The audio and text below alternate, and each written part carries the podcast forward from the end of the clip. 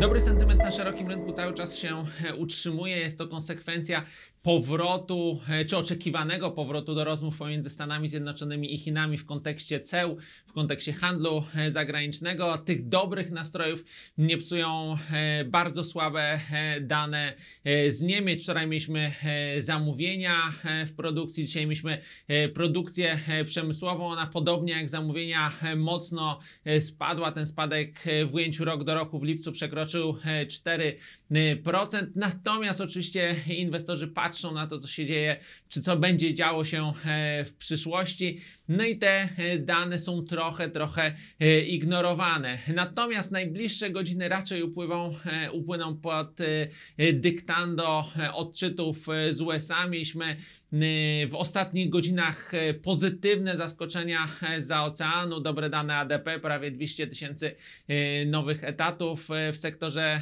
prywatnym, dodatkowo solidne odczyty ISM.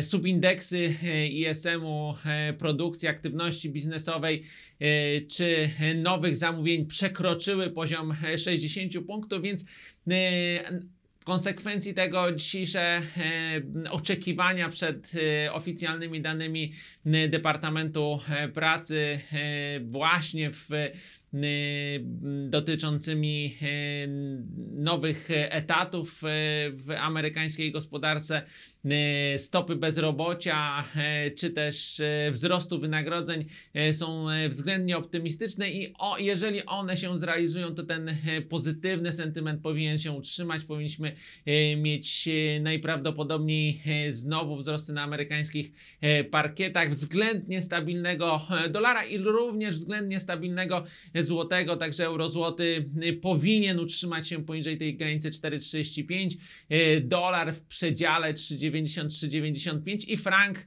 y, ku uciesze kredytobiorców spłacających kredyty w tej walucie raczej powinien także być słabszy w relacji do złotego w porównaniu do poprzednich kilkunastu dni i być poniżej granicy y, 4,0.